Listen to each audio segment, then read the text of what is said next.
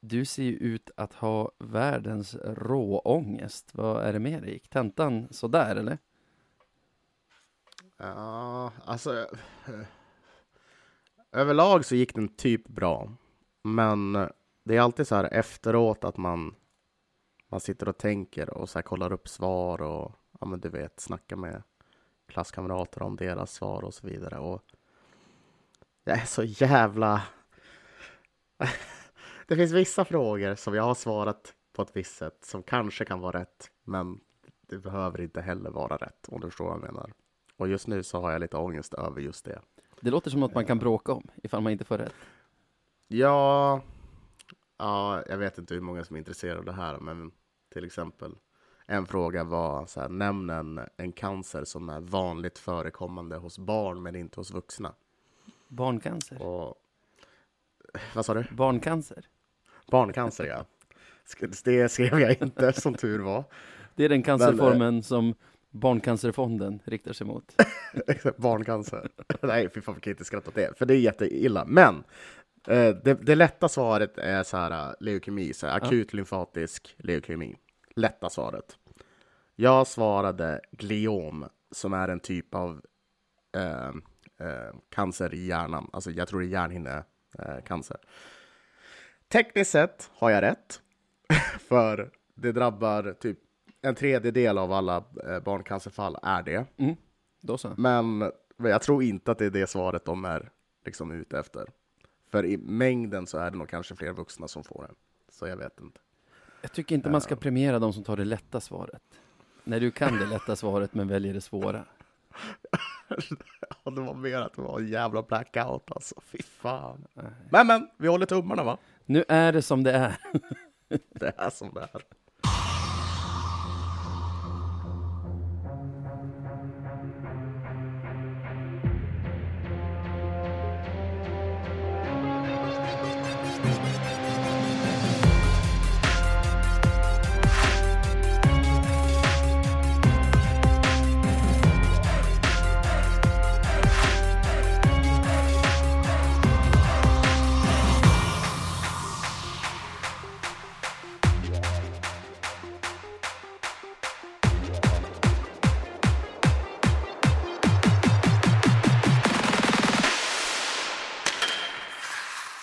Ja, men då säger vi välkomna till, eh, ja, kanske säsongens sista avsnitt av Radio 1970. Eh, hur står det till med dig, Navid, idag? Jag blir deppig när du säger så, men samtidigt får jag lite så här sista dagen i skolan, alltså skolavslutning, sommaravslutning-känsla när du säger så. Vi, Ja, vi borde man- ha tagit på oss liksom kortärmade skjortor och eh, sitta och sjunga Blomstertid nu kommer här. Ja, verkligen. Hade ni, nu är det väldigt off topic, men hade ni också skolavslutning i kyrkan, alltså stora kyrkan här i stan? Eller? Nej, alltså i, jag måste tänka ettan till sexan gick jag i Flurkmark, alltså Flurkmarksskolan. Vi tog Ja. inte bussen in till stan, utan vi hade så här Bönhuset kallades det för, alltså något så här missionshus. Det är ju typ en kyrka Ja. fast väldigt liten. Alldeles bredvid, Ja. liksom vägg i vägg med skolan. Så där körde vi fan. ofta. Ja, ja, jag gick ju i stan och då var det ju alltid gå och liksom samla tåg till kyrkan och vara där. Och... Vad fick du i Nej, stan? det var... Vad sa du? Vad fick du i stan? Nej, men det var, det var mina föräldrar. De, eh, de liksom, jag var ett Minerva-barn. De ville att jag skulle gå på Minerva. Och, och så blev det. Hela vägen från låg till mellan till eh, högstadie och sen gymnasiet på det. Så Just det. Jag glömmer hur ung du är alltid. Det är, det är som en följetong genom podden. Att Jag glömmer bort hur ung du är. Nu glömde jag att du faktiskt är så här, friskolebarn. Uppvuxen efter friskolereformen liksom. precis. Men jag gick första året, för, vi bo, för det ska vara sagt också, att vi bodde faktiskt öst på stan då. Ja, Eh, så första, alltså sex års blir det väl, eller förskola eller vad man ska kalla det. Det är väl sex års. Ja. Eh, då gick jag ju på Östermalm, gjorde jag. okej. Och så minns jag att när det skulle bli ettan då, då, då hade precis Minerva öppnat sina portar. Så fun fact, första, eh, jag är en del av första kullen som gick hela vägen ifrån årskurs ett till att ta gymnasiet via Minerva. Ja, ja. Där ser man. Friskolebarn. Nej, jag, jag kan inte ens relatera. Jag tror att vi fick ett papper hemskickat från kommunen. Vilken skola vi skulle gå på och när vi skulle börja. Typ. Ja, different times, different times. Ha, känner du draget då? Just nu? Ja. nej, nej. Eh, Det hände ju alltså- något förra onsdagen som, som jag skulle säga dödade draget lite. I alla fall för många supportrar. Ja, så är det väl. Det är ju, råder väl delade meningar, eh, helt enkelt. Vissa känner draget fortfarande. Ja, och vissa lite mindre. Eh, ja, både du och jag tillhör väl den senare kategorin där. Så kan man väl säga. Det är alltså att vi signade en spelare, Jakob Andersson, som lämnade Löven för Skellefteå. Det kom ju ut under pågående säsong där, säsongen 18-19. Och då kom det ett brev från Green Devils mot Björklöven om att han fick fortsätta spela trots att det var ute att han skrev på för en annan klubb redan. Och nu förra onsdagen gick Löven ut med en Kenticam där man presenterade honom på tvåårskontrakt och det kom Mm. ett brev igen från Green Devils där du nu är styrelsemedlem. Så det här är ju andra brevet den här säsongen också. Så kan, Mm. kan du berätta lite, ta oss lite bakom kulisserna, hur det går till när ett sånt här brev författas och vilka det är som är inblandade och, och lite sånt. Um, ja, nej, men det, är väl- det är väl ganska enkelt. Uh, även om det har varit två brev den här säsongen så är det väl ingenting man, man, man, man gör under en säsong, om vi säger så. Uh, utan det är ju när det är exceptionella fall eller händelser som, som inträffar. Och, och det är ju inte... Ja, det, det, pågår ju dels en intern diskussion om eh, om det hela. Saker, Liksom, ja. ja, men så här, vad är den rimliga åtgärden till någonting? Om, man, om, om vi får på känna att det här är, låt oss säga vi tar den här värvningen nu då, inte rimmar med våra medlemmar eh, och deras, eh, ja men liksom vad de tycker och tänker att vi eh, bör värva för folk. Eh, så då, då kommer vi liksom markera och göra det på ett sätt som vi finner lämpligt. Och vi är ju en ganska snäll supporterklubb eh, på, på, det sättet att vi är ju inte sådana som knackar dörr och skäller ut folk. Utan, utan eh, det smidigaste sättet att kommunicera är ju faktiskt att skriva öppet vad man tycker och tänker. Ja. Och försöka formulera det så bra som möjligt. Och ni har inte försökt göra Kentes jobb eller någonting, utan det, det har hänt någonting som strider emot liksom, vad era medlemmar, hur era medlemmar tycker att klubben ska skötas. Och då har ni och deras vägnar, eller och era vägnar, ni undertecknade ju med styrelsen Green Devils, skrivit Ja. ett brev och markerat mot det helt enkelt. Det här tycker vi är fel. Ja, precis. Nej, men det, det är ju också ganska viktigt det där att eh, man vill inte vara inne och peta i sporten på något sätt, utan Per Kent är ju där av en anledning.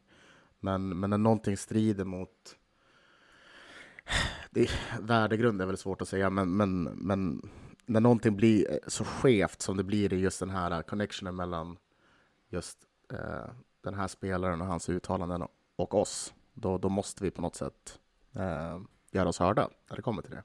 Mm. Eh, och, och så blev det. Ja, Och det blev ju det blev ju fart igen i vardagen kan man ju säga. liv i luckan. Visst gör det lite extra ont att det är just Kente som gör det här, för att man gillar honom så mycket? Ja, det, det får man väl säga. Alltså det ligger ju på en själv, egentligen. Eh, det är jag som supporter som har gått och känt att Löven nog är mer än bara ett jobb för honom. Eller så i Mm. alla fall att han, för mig, är mer än bara en anställd. Och Mm. då, då, liksom, då känns det som att den där kniven i ryggen går lite djupare när den, när den kommer. Eller? Ja, ja, jo. Han är ju han cementerar den här bilden om att han är så hyperpragmatisk. Mhm. Och han gör ju det väldigt, väldigt bra på det här sättet. Eh, och det är klart, eh, uppsidan hockeymässigt är säkert hur bra som helst. Eh, det, det återstår ju att se. Eh, men eh, återstår ju att se. Det jag gillade med ert brev var att det var väldigt tydligt riktat mot klubben och inte mot Jakob, personen eller spelaren, utan mot mot Björklöven och Per Kente. Var det avsiktligt? ja, nej, men det, så är det ju. för, för, för grejen är, det, he, det hela kunde ju liksom bara, för, make no mistake, alla som var involverade i den här värvningen visste om att den här reaktionen skulle ske. Mm. Det, det, det visste de på förhand. Mm. För att det... det, det, Ja, för att de vet vad det Björklöven är för någonting. Ja, alltså det står så tydligt skrivet eh, liksom att det här skulle ske. Så eh, Jakob vill ju, han vill ju bara spela där, där han får spela och, och trivs bra liksom. Mm. Men, men, men Per och den sportsliga ledningen hade ju kunnat und- undvika det här väldigt enkelt. Eh, Absolut. Så, så där, jag tycker ju att, eller jag och jag, det är ju där kritiken ska, ska landa i sig. Ja, det är de som har lagt fram kontraktet. om man ska säga något om Jakob, tycker jag att han har hanterat det bra. Alltså, hans pappa har spelat i Löven. Han är gammal nog att minnas Erik Anderssons övergång. Han minns vad som hände när han själv gick över. Han har varit helt beredd på att det här ska hända. Och jag tycker han har hanterat det på, på ett, ett sätt som är rätt i hans situation. Det har inte varit någon snyftartikel i VK, inga onödiga uttalanden som kan hälla, bensin på elden, utan bara låg profil. Och det Mm.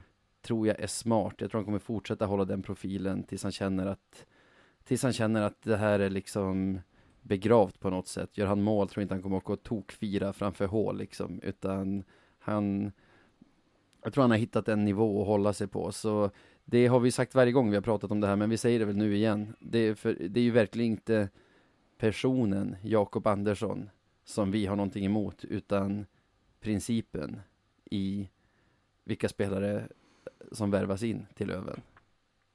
Ja, det, ja, det, det, är, det är värt att förtydliga eh, faktiskt. Eh, men ja, det, det, det är spännande att se hur det utvecklas under säsongen faktiskt. Det har stormat en del, eller det är egentligen en storm i en vatten, ett vattenglas skulle jag säga. Utanför internet har det väl knappt varit och det är egentligen väl en grupp på Facebook där ni har fått kritik. Men när jag hör mig för bland folk som faktiskt är era medlemmar, som är de ni representerar när ni skriver det här brevet, verkar ni tvärtom ha haft ett enormt stöd för det. Ja, nej men det har ju varit lite blandat. Det är klart att vissa som är medlemmar också tycker att, eh, att, att det är dåligt. Och, och så kommer det ju vara, man kan inte göra alla nöjda. Eh, men men det, det är precis som du säger. Eh, de som vi representerar har till stor del eh, stått bakom oss när det kommer till det. Och, och, och den, den största kritiken har ju kommit från folk som faktiskt inte ens är medlemmar. Vilket Nej, tanter och ja. farbröder på, på liksom Facebook. Och det är Ja, ju värt det- att komma ihåg för er, för det är säkert inte så kul när folk ska ha åsikter om saker man gör och så, även om allting börjar med att ni har åsikter om någonting Kent gör. Så det får man ju, det får man ju ta. Men det jag menar är att liksom, det är värt för er att komma ihåg att det hade blivit mycket mer livat om ni inte hade skrivit det här brevet, men då hade kritiken kommit från era medlemmar. Alltså från supporterbussen, om man säger.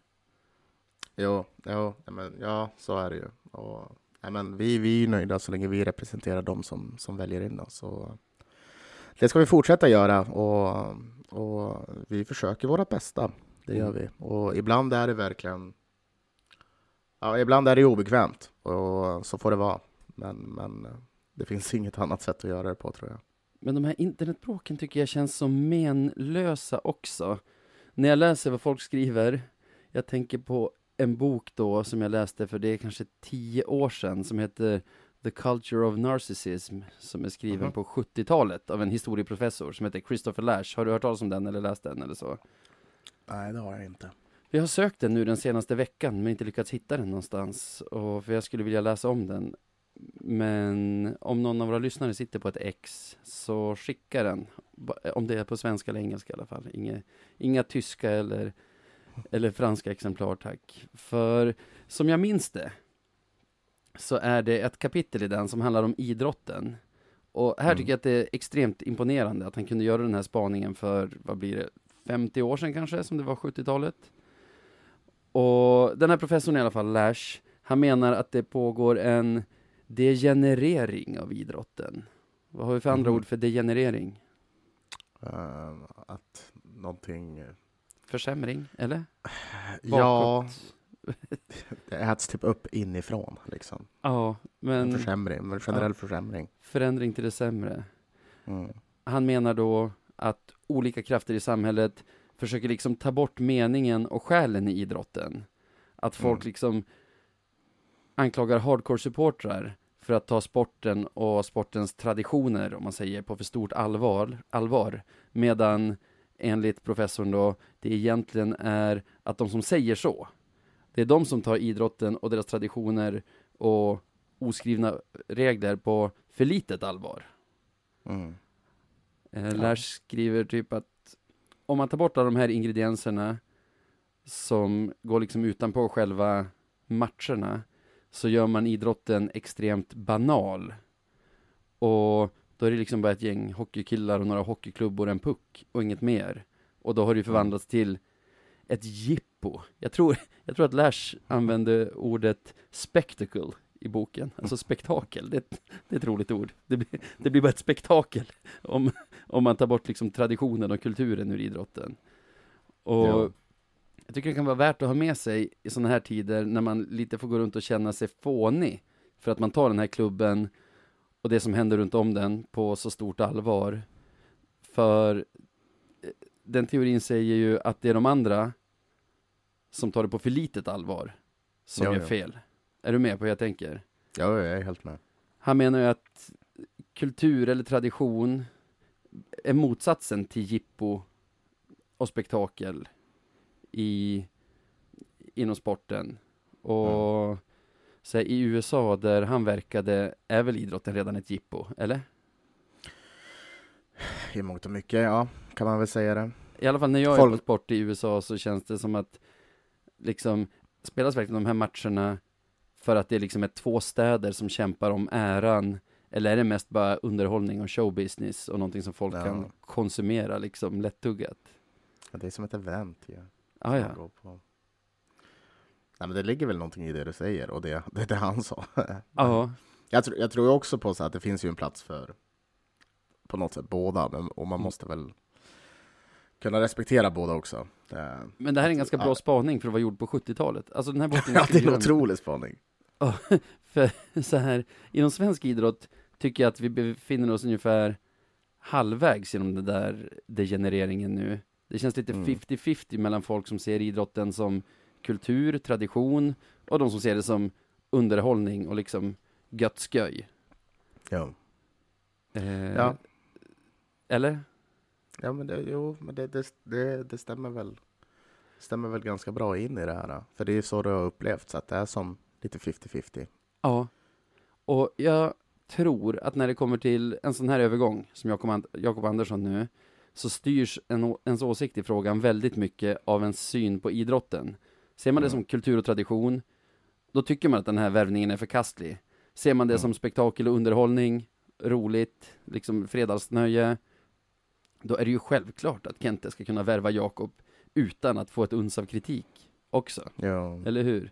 Och det är det jag menar, när jag följer bråken på internet här, då känns det som att vi fans kan bråka om det här tills jorden går under och ändå inte komma överens. Eftersom problemet är att vi har helt olika syn på vad idrott Ja. är för någonting. ja. Vi kommer aldrig Det- bli sams i en sån här fråga eftersom vi inte liksom tycker samma sak i grunden. Det ligger nog någonting i det där, faktiskt.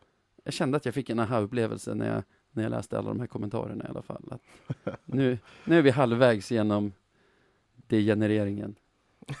Halvvägs igenom degenereringen. Ja. ja, så kanske det är. Nej, men... eh, ja. Men det har ju blåst över en liten stund nu i alla fall, så det är ju...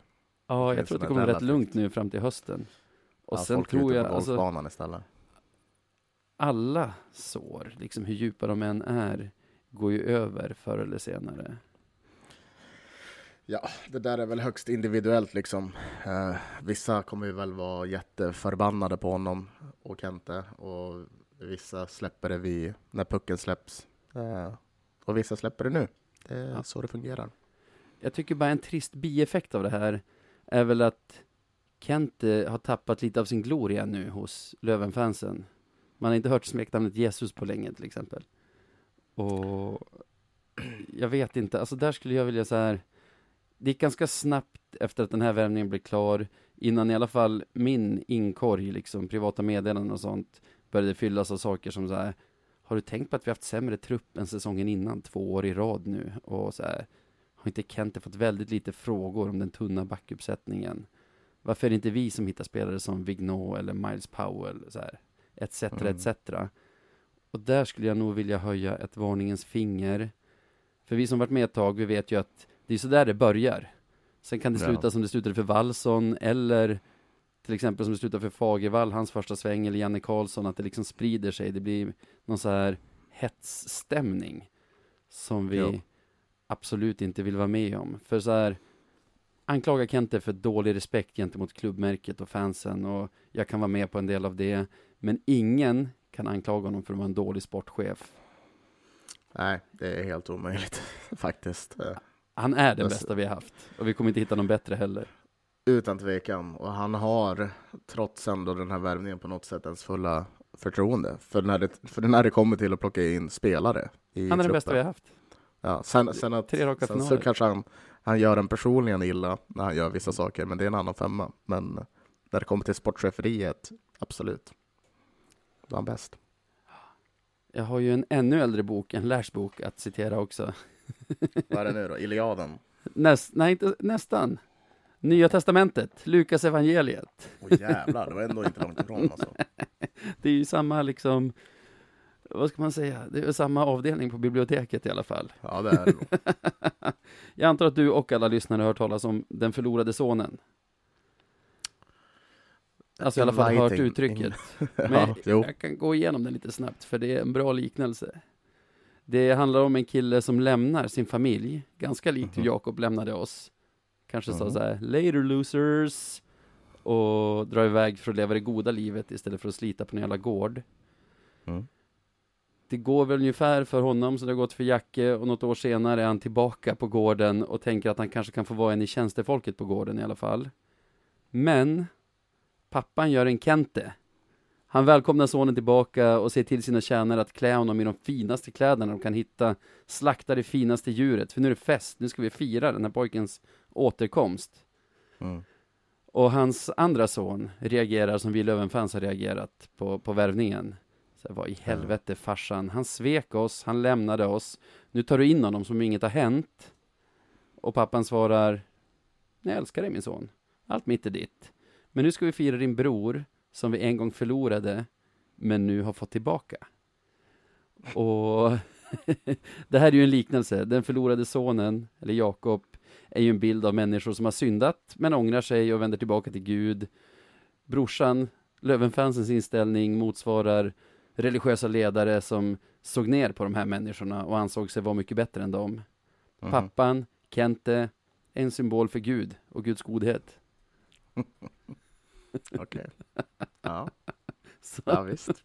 Ja, visst. liknelsen håller. Ja, det, det får man väl säga att den gör. Så var förbannade, men Kente har ändå den, den goda boken på, på sin sida. Ja, det har Sen känner jag, det är flera som har sagt så här. Ja, det här visar att rivaliteten med Skellefteå är, inte finns längre. Men det tycker jag tvärtom. Alltså reaktionerna visar att rivaliteten lever och frodas trots att det är, vadå, 15 år sedan vi möttes i, i tävlingsmatcher senast. Jo, ja, men det tycker jag väl att, att, att den gör. Ehm, även om man själv hade kanske... ja, jag vet inte. Nej, Man men jag håller med dig. det gör, beviset. nej, precis. Det, det var som... Det visste man redan. Men, men att folk fortfarande blir förvånade, det tycker jag är lite... Ja, det, det är spännande. Ja. De bara, kom inte och stör här mitt i det härliga spektaklet. Vad gör ni? Kommer med Var- era kultur Var, var och inte oömma nu liksom. Var inte oömma. Sen Nej. hade ju Löven den goda smaken i alla fall att låta oss vila från, från Kente Camps några dagar. Men det har ju hänt mer också i laget som vi kanske måste kommentera innan vi gasar in i, i våran award show. Vi Visst. har ju fått en förlängning av Boudoir, precis som du och jag önskade förra veckan. Ja. Vä- Kul. Vänt, väntat ändå på något sätt. Eh, Vi pratade ju då om att här, han sålde ut sig lite för enkelt i tidningarna. ja. Han var ingen det lätt? förhandlare, utan han bara, jag vill vara kvar. Det blir en kort Nej, förhandling. Och det blev en kort förhandling. kontraktet han har någonsin har skrivit Kente. Oj, oj, Ja. oj. Han behövde nog inte överbetala efter den, liksom, efter den, det upplägget av Baudouin. Eh, Sen, Nej men så det var ju bra. Ja, eller behöver vi säga något mer? Jag tyckte vi sa allt förra veckan. Han passar Ja. jättebra in i laget och han fyller en roll som vi behöver fylla. Vi har Kim Johansson in på tre år. Mm. Det mest häpnadsväckande här är väl att det är ju inte att han kom hit, utan det har ju varit, det har ju tisslats, tisslats och tasslats om det ganska länge. Han har väl till och med Men, varit eh, så kallat medhak klar sedan någon gång i mitten av semifinalserien. Om inte typ tidigare än så. Men ja, precis. Med ha klar, klar och då är man, då är man klar. Eh, Men tre år var, det blev jag förvånad över. Det var länge. Eh, Men såklart, jättekul. Eh, Tyckte att han var helt okej när han var här. Mm. Var, eller helt okej, han var bra. Rättare sagt. Ja, bra. Och roligt att han väljer att vilja fortsätta sin utveckling här där han kommer få mycket speltid och så. Jag tror det kan vara, det är en bra lösning för båda liksom, att han kommer hit från Luleå. Det här visar ju det vi pratade om förra veckan, att våra framgångar gör att spelare vill hit. Precis. Och ja, tre år. Det, det, det säger någonting. Du såg lustig ut där när du använde ditt glas som mick först. Ja, Mitt i en klunk så började du prata ner i glaset. bra resonans i den.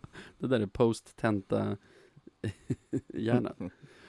Eh, vi har också, vadå, idag fick vi Jussula på två år. Vi pratade om att, ja men kan vi förlänga lånet med Luleå så är det ju bra. Och jag vet inte, jag tycker man har blivit bortskämd, alltså med så här, när, när de annonserar en Kenticam, då börjar man ju Mm. nästan så här skaka i kroppen, gå in på Lövens Insta och så här uppdaterar, uppdaterar, uppdaterar, uppdaterar, uppdaterar Ja. och så här börjar drömma sig iväg. Kan det vara Miles Powell kanske?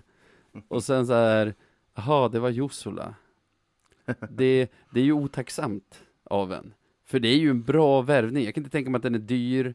Två år, alltså han var 18 år den här säsongen och redan liksom bra nog att, att fylla ut en lucka i grundserien och han kommer inte bli sämre som 19-åring eller 20-åring. Jag tycker han ser väldigt lovande ut och kan bli nästan hur bra som helst de här två åren, eller? Ja, han besitter ju en enorm utvecklingspotential. Ehm, och det var, som sagt, när vi snackade förra gången så var det en sån här spelare där man tänkte Ja, skönt om man stannar, eller på något sätt Mm, om vi får mm. hit han. Eh, inte världens förlust om man åker heller, på grund av att det är just det där att han ska ta de där stegen. Men, Mm. men att vi får honom på två år, det är, det är någonting bra. Det Mm. är det. det. Och man kan ju bara se fram emot nästa säsong och se vad han kan göra då. Ja. För, eh, ja men tänk dig, 18-åring, spelar en grundserie, eh, blev på slutet en hel del eh, slutspelsmatcher också. Så. Eh, nej, det är spännande att se. Kul att vi får hit talanger, tycker jag. Ja, och han är ju så här. Vi vill ju ha en bred backsida nästa säsong. Det, det verkar Kente ha varit ute och sagt och det tycker väl alla som följer Löven också. Och han har ju den här uppsidan. Tar han inga steg framåt kan han fortfarande, är han fortfarande en uppgradering av Popovic. Mm. Alltså Precis. han kan ha den rollen men göra den bättre. Tar han steg, då är det ju himlen som är gränsen. Var, Ja. vars alltså vilken, vilket backpar han spelar i när kontraktet går ut liksom. Ja, nej men precis så. Nej, nej, det är väldigt kul. Jag blev, jag blev, jag blev ändå väldigt glad när jag såg att det var William i. Jag, blev glad.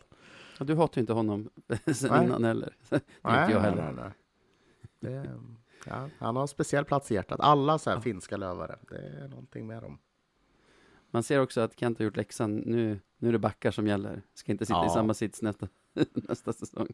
Nej, men eller hur? Bomba in Rahimi nu också bara. Ja, det hade varit skönt. Uh, är vi klar sen? Förresten. Jag vet inte. Alltså, tar vi in Rahimi, då är vi i stort sett plus minus noll mot, mot förra säsongen. Om man ser Mm. till att Kronholm har vi inte pratat om heller. Men det är, det är en spelare som inte riktigt har fått till det i SHL. Jag tänker lite på Jakob Olofsson. Ja. Ja. Ja, visst. Det, det kan man väl kanske göra. Ehm, Det är en spelare som i alla fall två SHL-klubbar har sett någonting i som har gjort att de har varit beredda att satsa på honom. Och som nu kommer ner i Allsvenskan för en ny start.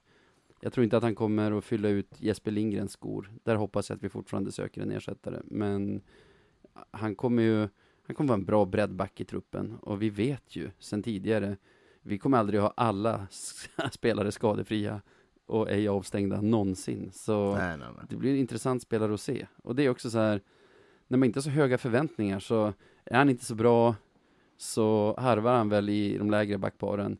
Eller så får han till det jättebra som Jakob Olofsson fick nu i slutspelet till exempel. Och då är han en enorm, en enorm tillgång. Jag tänker mycket på Hardy Herman, Aktell. Mm. Eh, Jag tänker Kronholm. Eh, för att han har haft det här äventyret i SHL och, och det har gått sisådär. Kommer ner till Hockeyallsvenskan för att starta om. Eh, precis som du var inne på. Sky's the limit. Det finns potential i killen och förhoppningsvis så, så, så utvinner han lite av det här och, och hjälper oss upp och sen stannar kvar där. Det vore ju perfekt.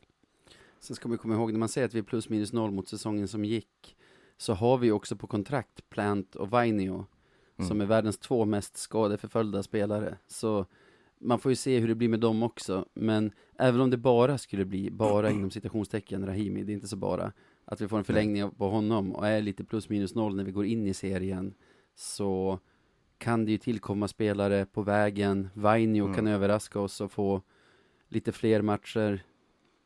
Vad var det jag, jag räknade ut idag att han har sex säsonger på seniornivå, Vainio.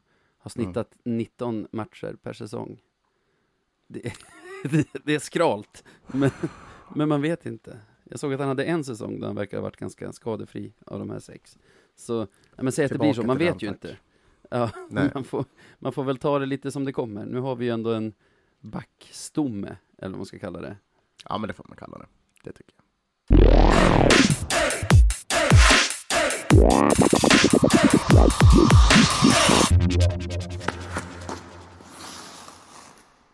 Då är det äntligen dags för det vi är här för. Våran årliga award show. Third annual Radio 1970 Awards. Ja, ja, exakt. Vi spelade in förra året. Det har ju hållits, det har ju hållits två innan den här. Vi har bara, vi har bara spelat in en. Det var för två år sedan. Ja, otroligt. ja. Ehm, Vad kul! ja, faktiskt jättekul. Nu känner jag att man borde ha Ehm, klätt upp sig. Inte bara för den här sommaravslutningskänslan, utan också för att det är gala. Att det är gala. Ja, Det gör vi nästa år. Vit skjorta och fluga och så här ut på Insta live eller någonting med den. ja, ska vi hyra något ställe i stan? Ja, jag tänker att, jag tänker att Insta är ett ställe. Ja, men jag tänker Det är att du och jag sitter gala. på typ Lottas. Ja, ja, ja, okej, okej. Och tittarna fast sitter en- på Insta. Ändå så sitter tittarna hemma och kollar på Instagram live medan du och jag bara sitter på Lottas. Det är en jättebra idé. Ska vi hyra Globen? Men bara ha den Ja. tom och sända på Insta. Fantastiskt vore det. Ja. Nej, men jag har en kategori här eh, som jag har valt att kalla för Årets Backfire. Oho, Ja. Och, eh, bakeld. ba bakelden, ja. Baksuget, rent utav. Eh, och... eh, Missräkning kanske på svenska. Eller skitsamma. Årets backfire. Berätta vad det är för någonting. det är alltså priset till den som gjort någonting som har kommit och bitit han i röven. Eh, Ja. Något fruktansvärt. Och eh, eh, jag har ingen nominerade, utan jag har bara en som har vunnit priset. Eh, Ja. Och eh, vinnaren av årets Backfire 20, Mm. säsongen 2021-2022 är Mattias Kalin. Tränare i Modo. Och eh, vad menar jag då? Och varför vinner han det här? Jo, för att vi minns ju matchen i Vinpos då Mattias Kalin gick ut hejvilt och svingade i media om att alla filmar och Rahimi är sämst och åh vad dålig han är, bla bla bla bla bla bla. vad som hände efter det där eh, är någonting som är svårt att beskriva eh, bara genom mi- mitt vokabulär. Men Rahimi blev världens bästa back efter det. liksom, om man inte var Om bra inte var innan, innan så blev han det efter. Ja, så blev han tio resor värre för dem. Ja. Och laget i sig blev hur mycket bättre som helst. Ja. Eh, Det slutade med att hans egna spelare började lägga sig ner och filma. Ja. och gjorde så att det blev jobbigt för honom. Eh, vi gick vinnande ur matchserien till en final ännu en gång medan de torskade en semifinal. Och vi gick vidare till final med liksom värdigheten i behåll. Precis. Ingen i Löven ville sänka sig till den där liksom pajkastningsnivån heller. Det tyckte jag var det liksom finaste i kråksången. Ja, och låt mig tillägga, han såg också ut som världens fårskalle när han sa det där. Liksom. Gick ut och snackade skit inför media medan ingen annan gjorde det. Det Ja, men det är så här. Mm. Det är lite så här också bara. Han går egentligen bara ut och erkänner att Rahimi har tagit sig in i hans huvud och bor Ja. där räntefritt. Precis. Och skiter in ju neråt. Det var inte så konstigt att han var inne i resten av lagets huvud också. Så till slut, om det var lagkaptenen Sylvander efter, efter att semifinalen var slut, sa i Expressen att ja, jo, vi la nog lite för mycket fokus på en spelare och det var ju dumt. Precis. För det, Ja, det var... Det, det var nog, han tänkte nog taktiskt när han, skulle, när han gick ut med det där utspelet, men det gick nog helt fel. Eller det Alltså, gjorde här, det. I efterhand, jag tror bara han var rasande. Inte van vid matcher av den här digniteten. Och Rahimi hade tagit sig in i huvudet, så när han fick en mick under näsan så, så, så var det det som var, Ja, som var top of mind. Kanske, kanske. Men det backfire, så han vinner den i alla fall. Ja. Vad vad fint. Vilken bra start. Ja. Vilken, vilken rasande start här. Mm. Ja, jag blev så himla förvånad när jag läste det där. Och Alltså, så här, jag kan köpa- bara, fast det gör han ju inte. Alltså, var, Jag, kan ändå, jag kan ändå så här köpa så här svepande kritik mot laget. Så bara, ja, men, ja, men vi tycker att de lägger sig ner. Ja, okej. ja. Visst. Men så bara att säga att Rahimi är en värdelös spelare. Vänta, Alla som har minst ett öga i huvudet kan ju se det där och bara, nej. vad, vad, vad pratar du om? alltså, du skulle kunna säga så att han, säg att han spelar fult rent utav. Det Ja, är bara ja. okej, visst. Jag kan köpa att du säger det. Men Ja. att han är dålig på det han gör. Nej du. Nej, nej, nej, nej, nej. nej. Är man hemmablind med Rahimi? Att man så här, jag kan inte förstå varför han blir så ogillad av motståndare. Förutom att han är så himla bra, alltså han är svår, det är svårt att göra mål när han är på isen. Men han Mm. måste ha jättemycket så här fula tricks som Mm. inte riktigt fast, alltså som man inte riktigt ser från läktaren eller på, från kamerabryggan, liksom, tv-bryggan. För det är så här, man spelar en match, inget särskilt händer tycker man själv och alla är rasande på Rahimi. Mm. Ja, typ så. Det är väl när man slår upp sociala medier så är det Rahimi är värdelös, Rahimi en gris. Jaha. Det kändes som att han trendade på svenska Twitter. Alltså, eh, eh, frasen Rahimi trendade på svenska Twitter efter typ varje match i slutspelet. Ja, Eller i alla fall i semifinalen och finalen. Ja, så är det. Ja, men härligt. Grattis Mattias Karlin. Ja, gratulerar. Du har, du har ju haft en soft spot för honom länge, sedan du träffade honom i Västervik för flera år sedan. Så Absolut. det var väl kanske ingen högoddsare att du tog upp och prisade honom här också. Nej, eller hur? På något sätt ska han alltid vinna ett pris. Nej, men som tränare är han ju fortfarande av högsta kaliber, eh, anser jag. Men eh, Han verkar vara en jättebra även- även- taktiker och bra lagbyggare. Det såg man ju i grundserien hur Modo gick fram till, vad, andra plats slutade de på va? jo, men som sagt, även solen har sina fläckar. Så japp. Ja, men Västervik har väl aldrig varit i den här typen av matcher kan jag tänka mig, när han var där. Och sen vet jag inte var han har varit tidigare, men han lever väl och lär sig. Ja. Jag brukar ju utse årets Löven-supporter. Mhm. Första året vi körde det här, då tog ju Adam Hägglund, minns jag. Mm. Eh, ung kille från, jag vill säga Vindeln, han bor egentligen i en by utanför, men ja, skitsamma.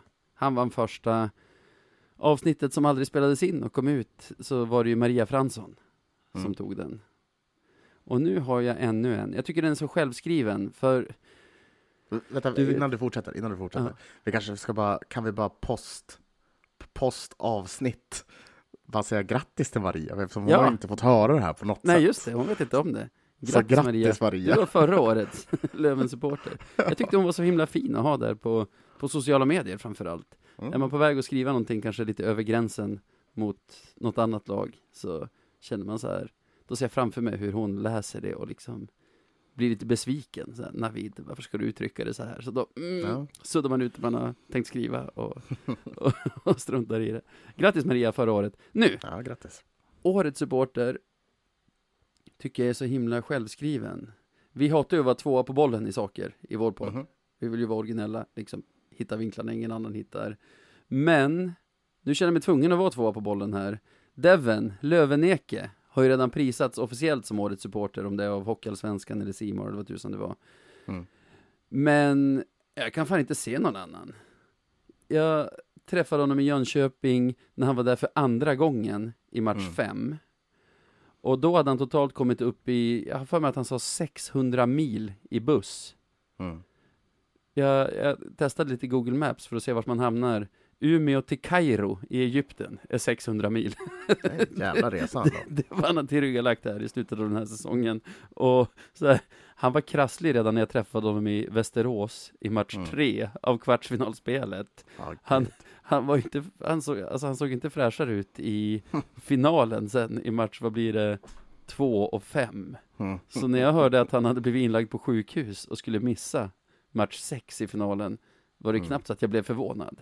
Ja. Utan så här, ja, jävla krigare.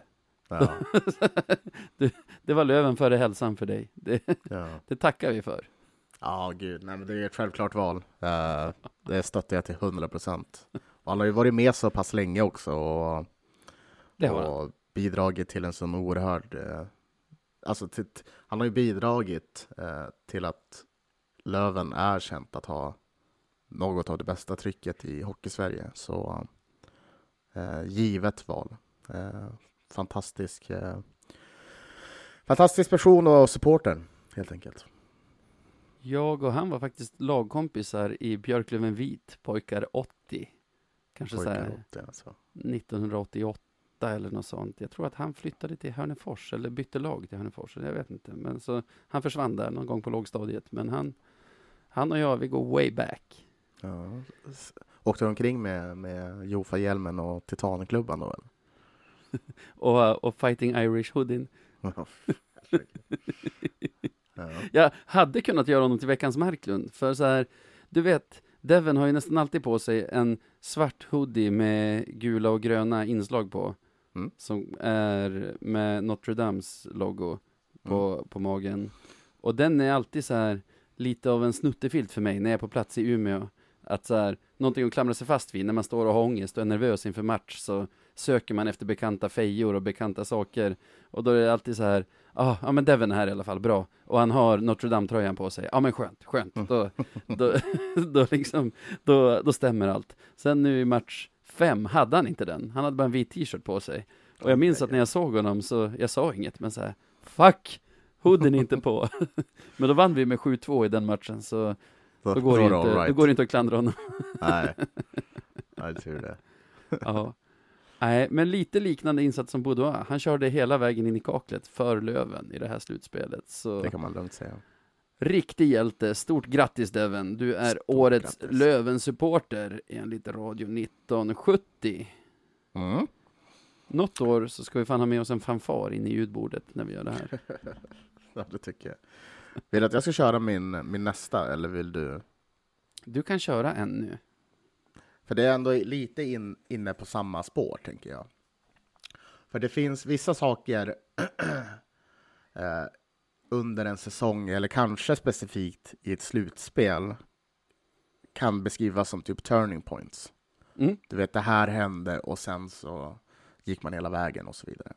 Men någonting så här personligen för mig för att få, som fick mig att typ nästan, eller att tro på det här och, och må på, på ett sätt som jag kanske inte gjort innan, var en specifik grej.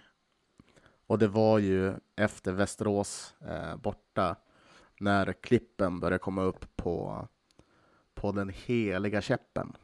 Gudfadern. Gudfadern. Och eh, jag har valt att kalla den här kategorin för Årets symbol. Och Ja. eh, det är ju naturligtvis eh, Heikki Tihonens käpp. För den käppen följde med hela jävla slutspelet och var en som en, som en fyr i, i mörkret. Mm. Liksom när man, när man kände sig nere, då tänkte jag på den där jävla käppen. Då, nej men Löven kan inte förlora det här. De kan ju för fan inte göra Heikki besviken. Det Nej, går inte. Precis, precis. Vi Det inte vågar ut de inte. Gudfadern. Nej, precis. Och, och hela uppståndelsen med det tyckte jag bara var så jävla härlig. Och det var så skönt att ja, men liksom man, fick, man fick veta mer om honom. Leifby gjorde ett reportage och VK. Och, Du, Leifby var tokig i käppen. Från att han hade synts i tv en gång så slutade han inte messa mig med frågan Vem är mannen med käppen? Jag vet inte. Var, var, var bor jag? Jag vet inte. Är du i Jönköping? Är käppen där? Men det är så kul liksom, för det där... äh, Sen till han, slut fick de träffas. Men han blev ju verkligen en symbol på något sätt. Och, Ja, ja, ja. och Käppen var med. ja, ja. Och det var så jävla härligt att han följde med upp och, och såg matchen här hemma och var i ladan på första gången på jag vet inte hur många år. Ehm, och det känns som att det, det här om någonting, även om vi inte nu gick hela vägen, så var det bara så jävla härligt att, att han var med på den här resan och, Mm. och, och allt vad det innebär. Så. Han symboliserar ju på något sätt Björklöven och Björklöven-fansens vägran att ge upp. Alltså, Ja. han är en som krigar på år efter år. Han Mm. symboliserar också det här att vi har det ganska gött och kul på vägen. Även om vi inte liksom tar steget upp i SHL hela tiden. Så, så någon sorts gott gry i supporterleden ändå. Det kan man säga. Nej, men det var uppfriskande, var det. Väldigt uppfriskande. Så han, Ja. han, han tillsammans med sin fru och Käppen vinner årets symbol. Ja, årets symbol. Bra. Men nu hoppas jag att du har lärt dig namnet i alla fall. Heikki, jag sa ju det. Ja, bra. Bra. Jag, jag tyckte bara du sa mannen med käppen, som att du försökte prata förbi att du vet att han heter Heikki Tionen. Jaha, nej, nej, nej. nej, nej, nej. Inte den här gången. Årets symbol. Fan vad Jajamän. kul. Grattis Heikki. Grattis!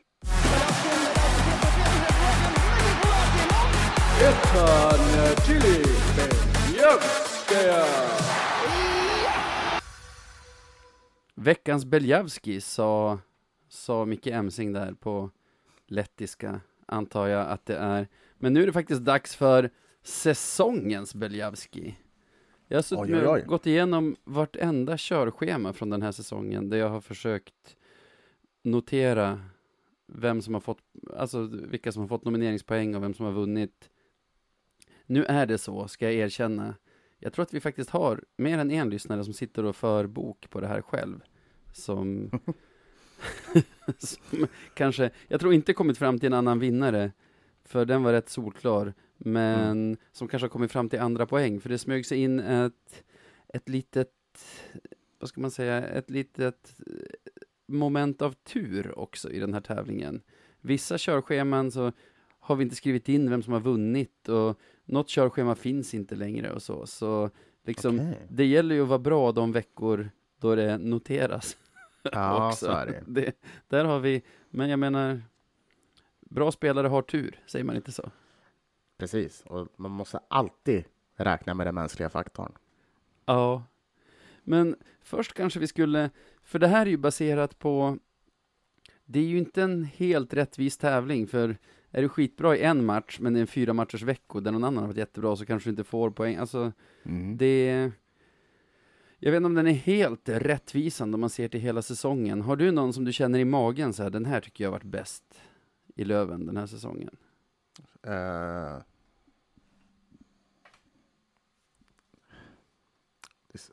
vad fan. Jona, skulle jag väl säga. Ja, Jonna Voutilainen är ju absolut en sån. Rahimi skulle jag vilja nämna. Eftersom jag har listan framför mig kan jag ju se vilka som har hamnat liksom längre ner än vad man känner själv i magen. Eh, Rahimi och Ottosson är på delad femte plats. Båda Oj. de, om jag ser till mitt helhetsintryck över säsongen, skulle jag säga att de var topp tre, Mm. båda två. Men du kan få topp tre av mig. Absolut. Trea, Claes Endre. Okej. Jag har hittat sju poäng på honom och tre segrar. Otro- Alltså tre utnämningar. ah, okej. Tvåa, Ville Eriksson. Åtta nomineringspoäng, tre segrar. Åh jävlar ändå.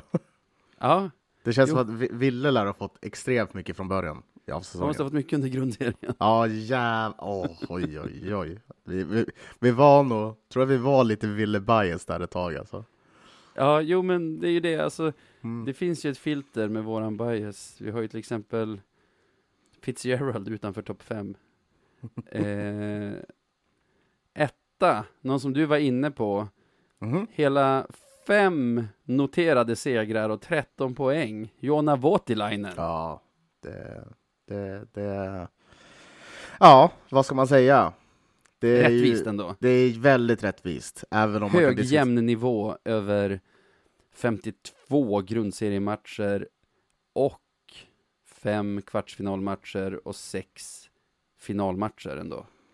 Ja, men det är otroligt, otroligt bra. En av de, ja, en av de bättre målvakterna vi har haft. Eh, vi har ju såklart, vi har blivit bläst med Kanata och, och Lundström och, och Välitalo, men, men Voutilainen har varit så jävla bra alltså.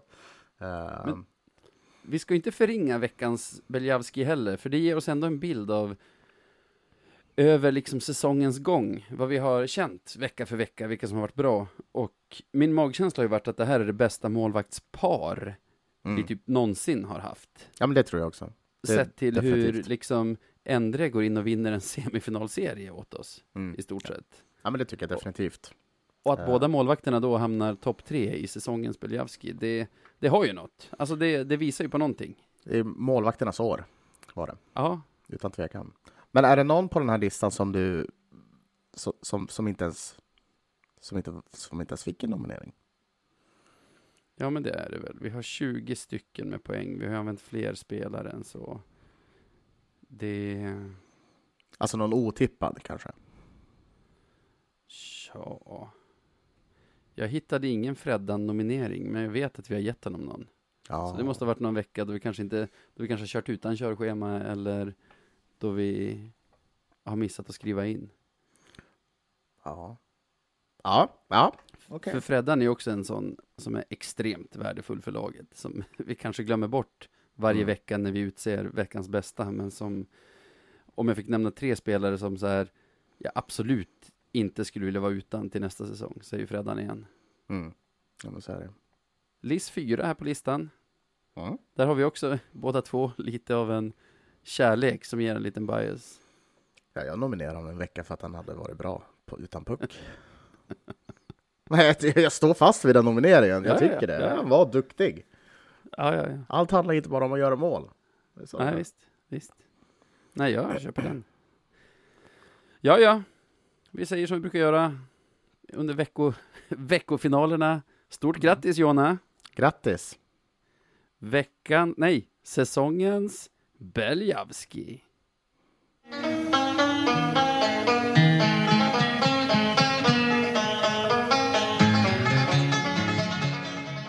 Veckans Marklund. Ja, säsongens mest klandervärda, alltså säsongens Marklund. Hmm. Den här är lite, lite svårare att, att, att bestämma kanske. Jag har ju inte Ja, fast för... jag, jag känner mig helt säker. jag, Nej, jag- jag, jag har skrivit en sak. Som du, jag vill bara kolla den med dig. Ja. Det, det kan ju inte vara något annat än Svenska ishockeyförbundet va? Nej, jag har också svenska Ja, exakt. Ja, ja. Alltså, Nej, nej, nej. Bra, bra bara så att vi är Det- överens. Jag har, jag har typ... en sån jävla shitshow på olika sätt Ja, genom hela säsongen. jag, jag har inte ens skrivit en motivering, utan det är bara så jävla glasklart att det är så. Ja, För så mycket. ja. Och du har ju hanteringen av Boden och Karlskrona är ju det Mm. stora. Det Har de varit på det tapeten mycket största, för. ja. Du kommer få hjälpa mig. Vi har ju Ryssland invaderar Ukraina och folk bara snälla säg att Svenska Hockeyförbundet tar avstånd från Ryssland, att vi inte kommer spela mot dem. tog Och typ vecka, Svenska liksom. Hockeyförbundet, Anders Larsson säger ja, vi ska ha sammanträde internationella. Alltså så här, ja, jag förstår så här om man vill förankra en samsyn, men i den rådande situationen, säg bara nej. Klart som korvspad att vi inte kommer att spela mot Ryssland. Vad tror du själv? Det finns inte en chans. Mm. Det, Tror du att vi, tror att vi älskar massmördare eller? ja, men det där är ju de två stora. Och Och och bara där är det ju så pass fel så att... För, för den här Boden-grejen har ju verkligen varit... Det är ju inte slut än. Alltså det, tog, det, det var ett nytt beslut på det här om veckan liksom, som gav Boden rätt ännu en gång. Alltså nu, så har det varit flera gånger i det här att nu borde det vara definitivt över för att liksom eh, högre instanser än Hockeyförbundet har sagt nej, sluta, nu räcker det. Nu senaste var det ju så här att Riksidrottsförbundet Mm. slog fast att Hockeyförbundet måste ändra sina tävlingsbestämmelser Mm. så att det inte längre står att man måste vara med i liga ligamodellen, vad får jag säga, ligaföreningen för att få Ja. spela på en viss nivå. Och så här, Svenska Hockeyförbundets svar är fortfarande inte så här, okej, vi förstår nu att vi har gjort helt fel och att det här går emot allt vad svensk föreningsliv står för, utan fortfarande så här, ja, vi vet inte om vi accepterar det här. Man kan ju se det på andra sätt också. Man bara, men håll käften och var normala någon gång. Visst är det Anders Larsson han heter? Ja, det är det. Han är också klandervärd i sig. Liksom så här, åh, det är han som uttalar sig om allt det där. Och Mm. Jag minns även när han satt i Simors studie och försökte försvara deras jävla gangstertaktiker. Alltså vad är det som sker? Bort Aj, aj. med skräpet bara. Rensa den där skiten alltså. För det är egentligen en konflikt mellan en organisation som heter Hockeyettan och två organisationer som är två klubbar, Boden och Karlskrona, Jo. där Svenska Hockeyförbundet har tagit så himla tydlig ställning för den part som enligt all rimlighet och inom, enligt Riksidrottsnämnden är Mm. de som gör fel. Alltså de Ja. har tagit part för de som gör fel och man bara, hallå, vad är, alltså, vad är det här?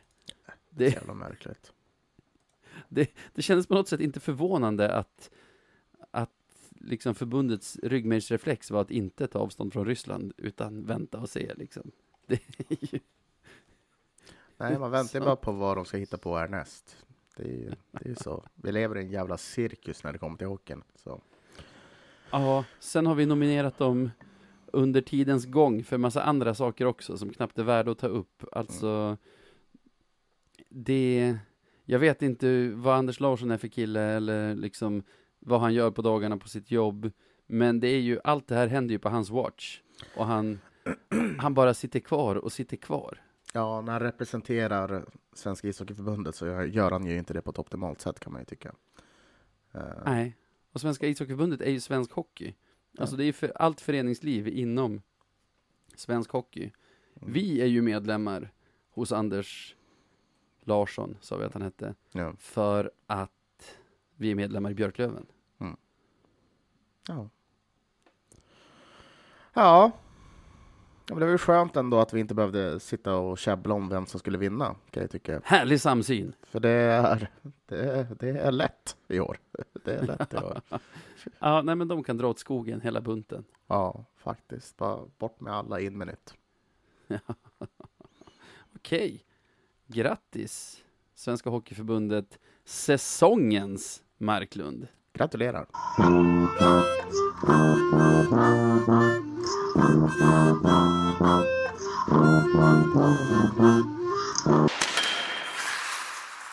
Vad har vi mer då? Vi har två priser kvar va? Precis, jag har sagt två, jag har en kvar. Eh, Jag har också sagt två, inklusive Beljavski då. Så kör din tredje där. Nu i och med, det är mycket kopplat till slutspelet här märker jag, men det får bli så Mm, mm. helt enkelt. Ja, ja. Jag har kommit fram Det är till, det som är den riktiga säsongen för oss topplag. jag kommer fram till en sak nu, eh, efter att vara nere i Jönköping. Jag har kommit fram till vad som kan vara årets busstopp. Ja, För det finns, man kan göra många val på vägen när man åker så långt. absolut. Det, det är så hands down under alla år så är nu årets busstopp och det bästa busstoppet någonsin Hudiksvall. Att stanna, Hudiksvall. ja, att stanna i Hudiksvall utanför Ica Maxi, gå in och köpa liksom en räkmacka så här sju på morgonen. Det är fan med det bästa som finns. Det är Inte Härnösand. Hudiksvall. Vad Hudiksvall i Hälsingland. Maxi? Jo, jag vet, jag vet. Alltså, jag, jag kände att det här är en kategori för mig, för dels är jag en fena på Stockholm-Umeå, den vägen. Ja, Den har man ju pilat i 15 år. Och nu en fena på Stockholm-Jönköping också. Så jag bara, oho, det här kommer att vara... Men Ica Maxi Hudiksvall, är det om man kör av där och så finns det en Donken och någon mack och en stor parkering, eller vad? det vet jag inte, för jag vaknade i Hudiksvall. Klart. Fantastiskt var det. Jag har aldrig varit så glad i hela mitt liv att vakna upp i Hälsingland. Och det har jag gjort några gånger faktiskt.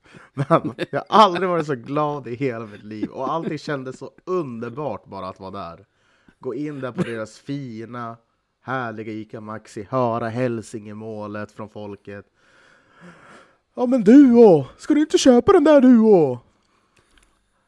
Och sen bara, ja men få 30 minuter där att andas in liksom luften, känna? Hälsingevinden. Kan du berätta om några andra gånger då du, då du bara vaknat upp i Hälsingland? Ja, men många gånger. Jag har ju haft släkt i Hälsingland. Eller jag, en stor del av min släkt har bott där. Jaha, Så, så det har varit både ja, men Delsbo, Via, eh, Hudiksvall. Mycket Hudiksvall. Eh, och jag minns när jag åkte eh, cross. Fick åka cross från Via in till Hudiksvall. Det tog en jävla tid gjorde det. För att gå på någon Mm. festival som de hade där i Hudik när jag typ var 15. Det var kul. ser.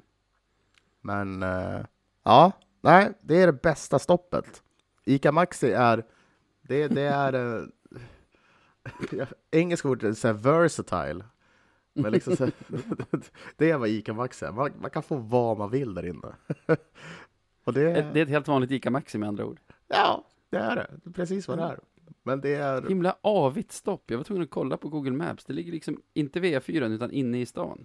det, är, det är också så här för att klockan var sju på morgonen, inget annat är öppet typ. Ja, ja, ja. Så det var nog lite Och så så. fick du en fin räkmacka också. Från förbutiken. Ja, det var... Oj, oj, Kaffe oj. på det?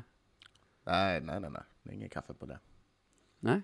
Utan, mm, nej, då mådde jag. Då kände jag, nu, nu, nu är vi, nu är, nu är vi på väg, kände jag. Jag känner att det kan bli en stående i Radio 1970 Awards. Antingen årets busstopp eller årets uppvaknande i udda landskap. Mm. Ja, Båda har något. det finns tuffa uppvaknanden. Många av dem är i Dalarna. Men vad kul, det är ju två veckor till brännbollen nu. Jag kanske ska testa ett stopp på Ica Maxi i Hudiksvall då. Mm. Ja, men det tycker jag. De har fina, fina produkter har de. Färskt. Fina produkter. Ica Maxi i Hudiksvall, sponsra oss. Det får de gärna göra. Det Åh. får de gärna göra. Tänk om Hudik hade gått upp i Allsvenskan. De var Ja, inte jag alls vet- för långt ifrån. Jag vet, och jag är så jävla förbannad. Helvete! Åh, jag hade velat haft Hudik så jävla mycket. Åh, vilken ångest. Jag får ångest Jag att tänka på det. faktiskt också på dem. Jag tänkte på vilken jäkla... Tänk om det skulle vara lördagsmatch, Hudiksvall Ja. borta. Hur man skulle kunna göra en grej och få med så många söderlövare som möjligt upp. Mm. För det är inte ens tre timmar liksom med, med tåg. Nej, Och sen perfekt, kör alltså. GD buss. Ja. Och sen liksom är det världens partaj i, i Hälsingland. Ja, det hade varit underbart. Alltså Hudik borta. Oj, oj, oj. Nästa, nästa säsong. De har ju, en, de har ju ändå en, en satsning på gång där. Ja, får väl hoppas att de kommer upp framöver då. Eller, Kriga Hudik. ja, Vi verkligen. måste lösa det här. De verkar dessutom ha en cool arena. Den ser ut lite som en kyrka utifrån. Ja, det är lite synd. Hette väl Glycishallen förut, men den har blivit sponsrad nu, så nu tror jag att den heter Holmenhallen. Det är lite trist, men eh, Spektakel. ja, det är spektakel vad det är. Men sånt är livet. Sånt är livet. Jag ser fortfarande fram emot att få åka dit någon gång och se Löven. Tillsammans med Söderlövarna och GD. Mm. Så, ja men då får vi ta och gratulera Hudiksvall då. Eller? Ica Maxi i Hudiksvall. Ja, grattis Ica Maxi Hudiksvall ner årets busstopp. Stort grattis! Jag tror det är första gången de har hört det också. Har de vunnit några priser innan så är det inte årets busstopp i alla fall. Ja, det tror jag inte. Jag, jag tror inte att de säkert var överdrivet glada av att vi kom in där klockan sju på morgonen heller. Men det är ju vad det är. Men De, de gillar väl businessen kan jag tänka mig. ja, ja, jo, visst, visst. så får man väl se det. Ja men härligt Ica Maxi Hudiksvall. Keep it up! Mm. Jag har en kvar också. Yes. Jag är lite nervös nu för det här är en sån sak som typ hälften av våra lyssnare tycker är jätteintressant att höra om och hälften är så här sluta prata om det där. Jag håller tillbaka från Mhm. att prata om Kristianstad. Mhm. Och, men liksom nu är säsongen slut så nu måste hela Kristianstad-permen upp på bordet känner jag. För vi har ju varit inne lite på det under säsongen. Men jag tänkte ta det hela från början. Det är alltså årets sekt som är, som är kategorin. Ja.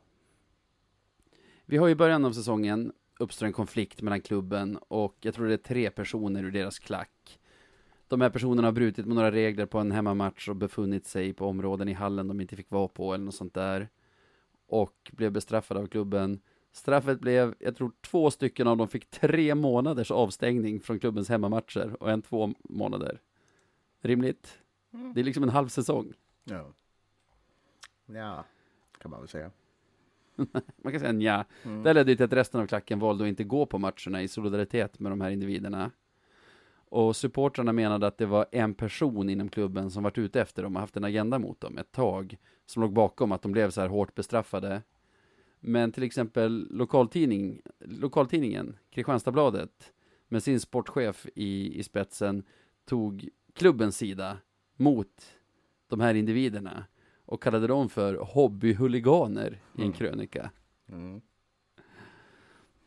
Och det här leder ju fram till att två stycken killar som vi båda känner lite grann, som driver en svenska fansajt för Kristianstad IK, Thomas Melin och Max Strömberg Melin, de är far och son, bjöd in en supporter till sin podd som handlar om Kristianstad IK. Och inte en av de avstängda, utan en snubbe som, som är en av de aktiva supportrarna på ståplats liksom Ja. som fick ge supporternas syn på det som hänt. Men han fick ju också motfrågor av Thomas Melin framförallt som försökte argumentera för den andra sidan i konflikten för att liksom balansera det.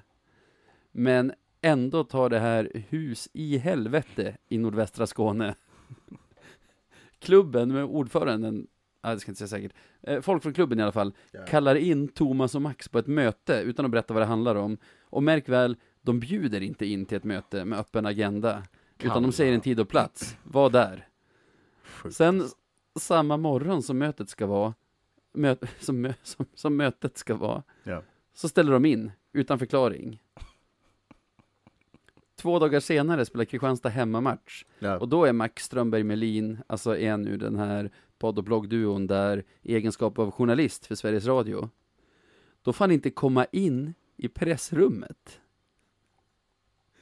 Han, han är liksom portad därifrån. Så då får han stå där med sin Sveriges Radio-mick och inte liksom kalla ut spelare i korridoren utanför pressrummet för att kunna göra sina intervjuer, alltså för att kunna göra sitt jobb. ja. ja. Det är så jävla sjukt bara. Otroligt. Och det, det roliga med det här är att så här, Max och Thomas är liksom inte konflikträdda, utan Max Strömberg Melin helt öppen med vad som händer, skriver om det på Twitter och han har ganska mycket följare ute i Hockeysverige som, som blir så här, men vad är det som händer här? Vad håller Kristianstad på med? Ja. Och det som händer då, det är att Kristianstadsbladets sportchef börjar liksom göra utfall mot Max. Han, han skriver till honom i privata meddelanden på Twitter Mm. som Max sen har lagt upp, där han är så här, vilken stol sitter du på idag? ja, det är så jävla märkligt. Max bara, stol? Ja, så skriver han vilket stolsnummer, översta raden. Har du klapporna med dig? Frågar den här Patrik. Mm. Nej, inte varit nere i arenan och hämtat dem. Okej. Vad då då? Eh, det behöver du helt klart fundera kring, skriver sportchefen. Max skriver, eller så kan du förklara. Gissar att du får besked inom de närmaste dagarna. Härligt, svarar Max. Nej, svarar sportchefen. Det, jag vet inte vad, alltså ingen, inte ens Max verkar veta vad det där betyder. Men nog fan känns han obehaglig. Han har sett, jag tror han har sett för mycket på typ så här Gudfadern eller någonting. Tror alltså det? våran gudfader med käppen. Ja, ja, precis. Nej men typ, alltså, han måste ha sett för mycket filmer. Ja, ja, ja. Men vad är det ens? Alltså, bara, han är ju dessutom inte en del av den konflikten. Han, han ska inte företräda klubben, han ska företräda sina läsare som kanske vill ha nyheter om vad som händer runt klubben och inte bara liksom någon sorts hejaklacksjournalistik där, där någon sitter liksom på, på samma stol som klubben. Sen använder han sin egen tidning för Ja. att komma åt Thomas och Max. Så här, i, runt jul så delar redaktionen ut så här elaka julklappar som jag vet att VF gjorde när jag var barn. Sporten Mm. i Västerbotten kanske fortfarande gör det, jag vet inte.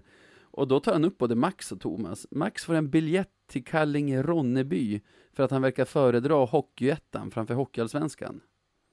Vad det nu ska betyda. Thomas får en penna. Okej.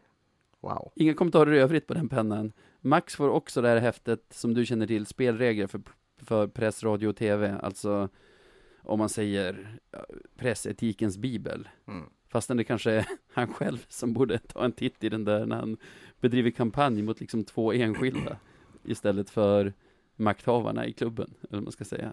Ja. Det är bisarrt. Det är otroligt beteende vad det är. Det är så jäkla sjukt. Max Strömberg Melin har också lagt ut på Twitter så här filmklipp på när en av Kristianstads matchfunktionärer beter sig som skit på hemmamatcherna. Mm. Står och skriker fula ord mot motståndare och domare. Liksom så här över plexit står han och gapar. Ingen inom klubben mot eller agerar mot det här. Nej. Men när en annan ideell matchfunktionär säger åt folk, eller ber folk på läktarna att följa coronarestriktionerna, då blir hon utskälld av de andra funktionärerna och dagen efter får hon ett mail från klubben där de skriver att hon inte är välkommen att jobba gratis för klubben längre.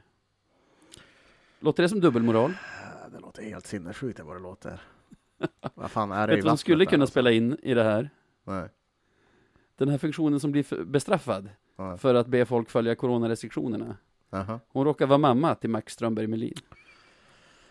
Ah. Är det här? Vad är det här? Det finns så mycket mer. Men jag vet inte, jag tycker bara den här mobbingen mot två supportrar som försöker skapa innehåll för Mm. andra supportrar är så otroligt obehaglig. Det är så märkligt. Känner de sig hotade? Man tror. Jag vet inte. Jag tycker det påminner om Knutby. Mm. Ja. Vet du mycket om Knutby? Eller så ung? Jag vet lagom om Knutby, vet jag. Men det är ju så här, bland annat minns jag om Helge Fossmos första fru. Mm. Att hon ville liksom inte ställa upp på att Åsa Waldau är gift med Jesus. Och så här, då är hon helt plötsligt ett hot för de andra och blir utfryst. Ja. Och jag tycker det känns exakt så här. Max och Thomas, de vill liksom inte dansa med efter klubbens pipa. Och de blir så här, men så här, lokaltidningen dansar ju med. Vi har ju dem i ett hundkoppel här och sittplats och vippen är med. Varför, varför måste ni bry er om liksom ståplatssupportrarna? Så jävla, låter som en maffiaorganisation alltså. Varför måste ni hålla på och visa upp båda sidor? Ja. Alltså, det, det är sånt jäkla sektbeteende så det är direkt obehagligt. Ja, verkligen. Ja, jag håller med. Ja, ja. ja. Det är klart att de vinner det där. Ja, så årets sekt, säsongens sekt, årets sekt i Radio 1970 Awards, det går ju till liksom Kristianstad och kretsen runt om. Kristianstad-maffian går Mm. den till. Ja, det är rimligt. Grattis Kristianstad-maffian. Gratulerar. Ni är säsongens, nej, årets sekt.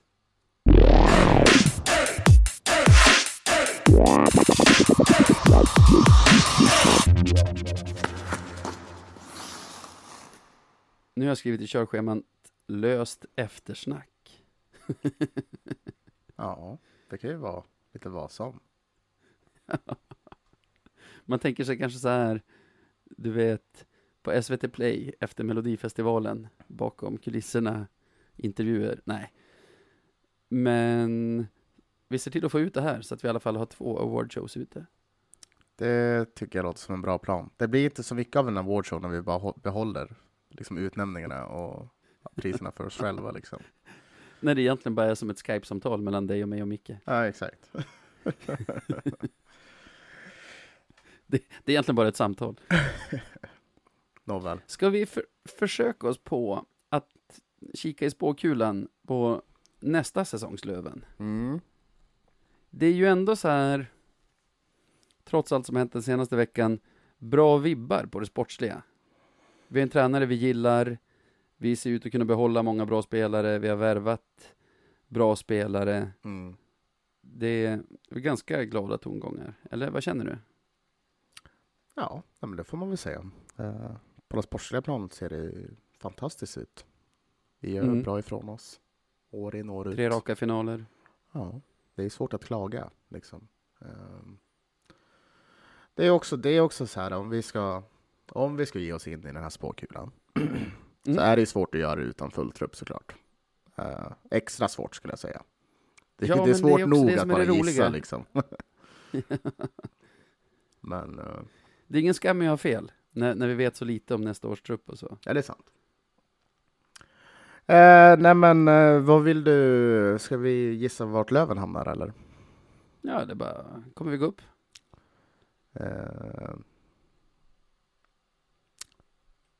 Ehm, ja, om inte Djurgården var där, ja. Då hade vi gått upp. Men eh, jag har svårt att se oss gå upp när Djurgården är i samma serie och de värvar som de gör. Ja, ja kanske. Jag vet inte, jag, jag känner ändå bra vibbar runt det sportsliga. Men jag känner också lite lite som, minns du, hur mycket minns du av säsongen 2007? 2007? Ja, Ja, att det var väldigt gles på läktaren.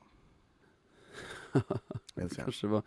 Det var i alla fall en säsong då man kände draget. Vi gick ju till kvalserien för första gången på flera år. Mm. Och det var liksom bara kul och skoj och man tänkte inte ens på att vi faktiskt kunde gå upp i elitserien som det hette då och tänkte väl inte på det förrän efter kvalserien var slut och man kunde se att fasen hade vi bara vunnit mot Rögle i näst sista omgången Mm. då hade vi spelat i elitserien nu. Shit vad nära vi var. Ja. Jag tycker det är någonting med de vibbarna men en annan likhet är nu i efterhand tänker man på hur mycket vi hade marginalerna emot oss i finalen mot HV. Mm. Men vi har haft en del marginaler med oss på vägen dit. Jag tänker på att vi, vi vann match fyra i Västerås i sadden när de kanske förtjänade att vinna. Mm. Och hade de gjort det hade det stått 2-2 där. Vi vinner en match i sadden i match två mot Modo. Där Modo är ganska mycket bättre i förlängningen och hade de vunnit hade det stått 2-0 i matcher till dem. Jo. Det skadade ju inte oss att Vigneault fick utgå skadad i slutet av match fem mot Modo heller. Alltså, det är små saker som gör, det är ju en sport med små marginaler. Jo, jo. Och det är, det är ganska mycket saker som har stått på våran sida om man ser på vägen fram till finalen. Så var det 2007 också. Vi höll ju på att åka redan i playoff 1 mot Växjö. Mm. Om inte Johan Bergmark hade gjort mål med 14 sekunder kvar av den tredje perioden Jaha. så hade det varit sommarlov då och halvt fiasko den säsongen. Precis. ja, Och liksom säsongen därpå, då tuggade det på. Det gick inte dåligt i grundserien. Marginalerna var inte riktigt med oss. Vi åkte mot Borås i playoff 1 i sadden. En puck som studsade på någon skridsko in vill jag minnas. Och det är det jag känner, alltså. Vi, vi har framgång, vi har ett bra lag, vi kanske får ett ännu bättre lag nästa säsong.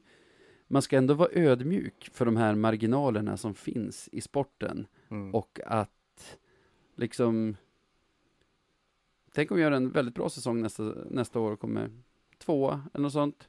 Det är inte omöjligt att vi går in i slutspelet och ryker mot Mora eller Västerås eller något sånt lag ändå. Nej. Och då kommer man helt plötsligt tycka att det är fiasko. Fast det kanske har varit en ganska likartad säsong fast andra marginaler. Jo. Nej, men det är ju så det är. Det är ju så hockey fungerar. Eh, faktiskt. Det, och det får man ta och köpa. Helt enkelt. Får ju hoppas på Det det, går helt alltid åt enkelt. helvete till slut ändå, har vi Precis. sagt en gång i den här podden. Precis. Nej, får ju hoppas att vi har marginalerna med oss. Det är ju det. Det är den här så kallade löventuren som Skellefteåborna alltid pratar om. Ja, Så, ja. Vi behöver den. Vi kommer alltid behöva den. tror jag. ja, det tror jag också. Om man vill höra av oss nu under sommarlovet och berätta hur saknade vi är Ja, Hur gör man? Inte alls. Nej. På, eh, man, kan, man kan ju alltid hitta oss på sociala medier och då är det att radio1970.se och vill man mejla så är det podcast at radio1970.se. Vilken grej va? Ja. Vi tackar väl för oss. Eller? Lite vemodigt. Ja. Vad kul det har varit Sebbe. Ja, det har det. Men det ska bli skönt med semester också. Det ska det. Det ska det verkligen. Ses vi på Yran? Möjligtvis. Ja, vilka, vilka Du är datum? student nu. Du, du bommar inte den. Nej, men jag vet att jag har tenta på samma dag som yran startar. Fredag om två veckor. Fredag den tredje, tenta i audiologi och otorinolaryngologi. Sen lördag, utvecklingspsykologi tenta. Har du lördagstenta på brännbollen? Ja, jag fick med en omtentamen. Så ja, det har jag. Ni har ju sadister på fakulteten. Du, jag är ganska glad att jag får göra den här på lördagen och inte i augusti istället. Så jag tar det. Det är taget. Okej min vän. Stort tack för den här säsongen. Tack så mycket själv. Och ha det gött.